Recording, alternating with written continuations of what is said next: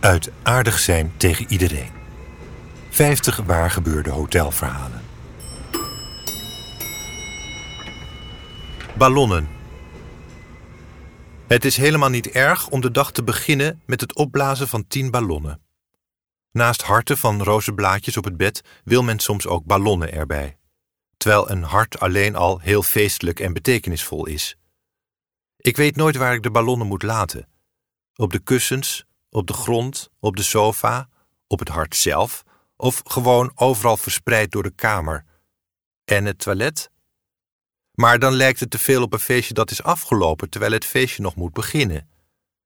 Het achterlaten van zo'n stille ballonnenkamer heeft altijd iets ontroerends en gek genoeg ook iets zorgelijks. Ontroerend in de zin van feestelijker dan dit kunnen we het niet maken.